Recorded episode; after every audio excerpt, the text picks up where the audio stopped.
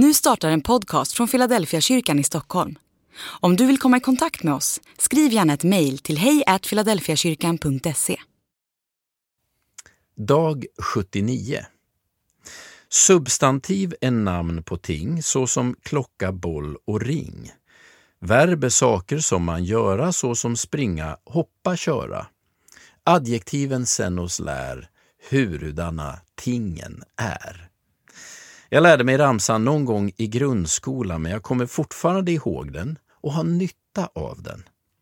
Frågan är om kärlek är ett substantiv eller ett verb. naturligtvis är ordet ett substantiv, men själva fenomenet att älska någon, är det ett substantiv eller ett verb? Om kärleken är ett substantiv är den en sak eller ett föremål. Då är kärleken något man har eller något man inte har.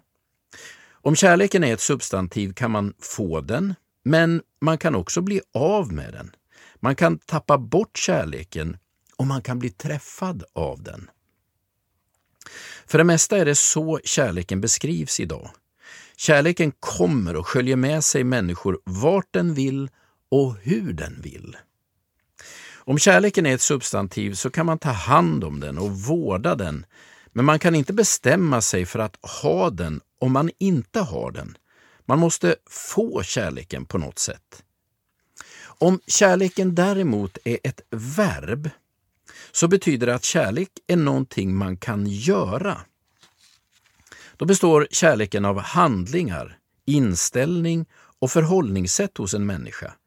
Om kärleken är ett verb, då kan man styra över sin egen kärlek. Man kan bestämma sig för att kärleken ska växa och vilka den ska omfatta. Inte heller blir man av med den om man inte har bestämt sig för det. Kort sagt, om kärleken är ett verb är den något man kan styra över. Det är därmed inte sagt att det är helt enkelt att bestämma över kärleken, men man blir inte offer för kärleken. När Jesus talar om kärleken med sina lärjungar så beskriver han kärleken som ett verb. När han ska lämna dem ger han dem ett nytt bud och säger Mitt bud är detta, ni ska älska varandra så som jag har älskat er. Man kan inte befalla någon att älska om kärleken är ett substantiv. Antingen har man kärleken eller också har man den inte. Men om kärleken är ett verb kan man faktiskt uppmana människor att älska och att älska mer. Det är precis vad Jesus gör.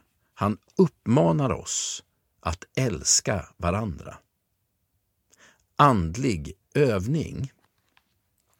Bestäm dig för att älska människor så som Jesus gjorde. Ta hans befallning på allvar.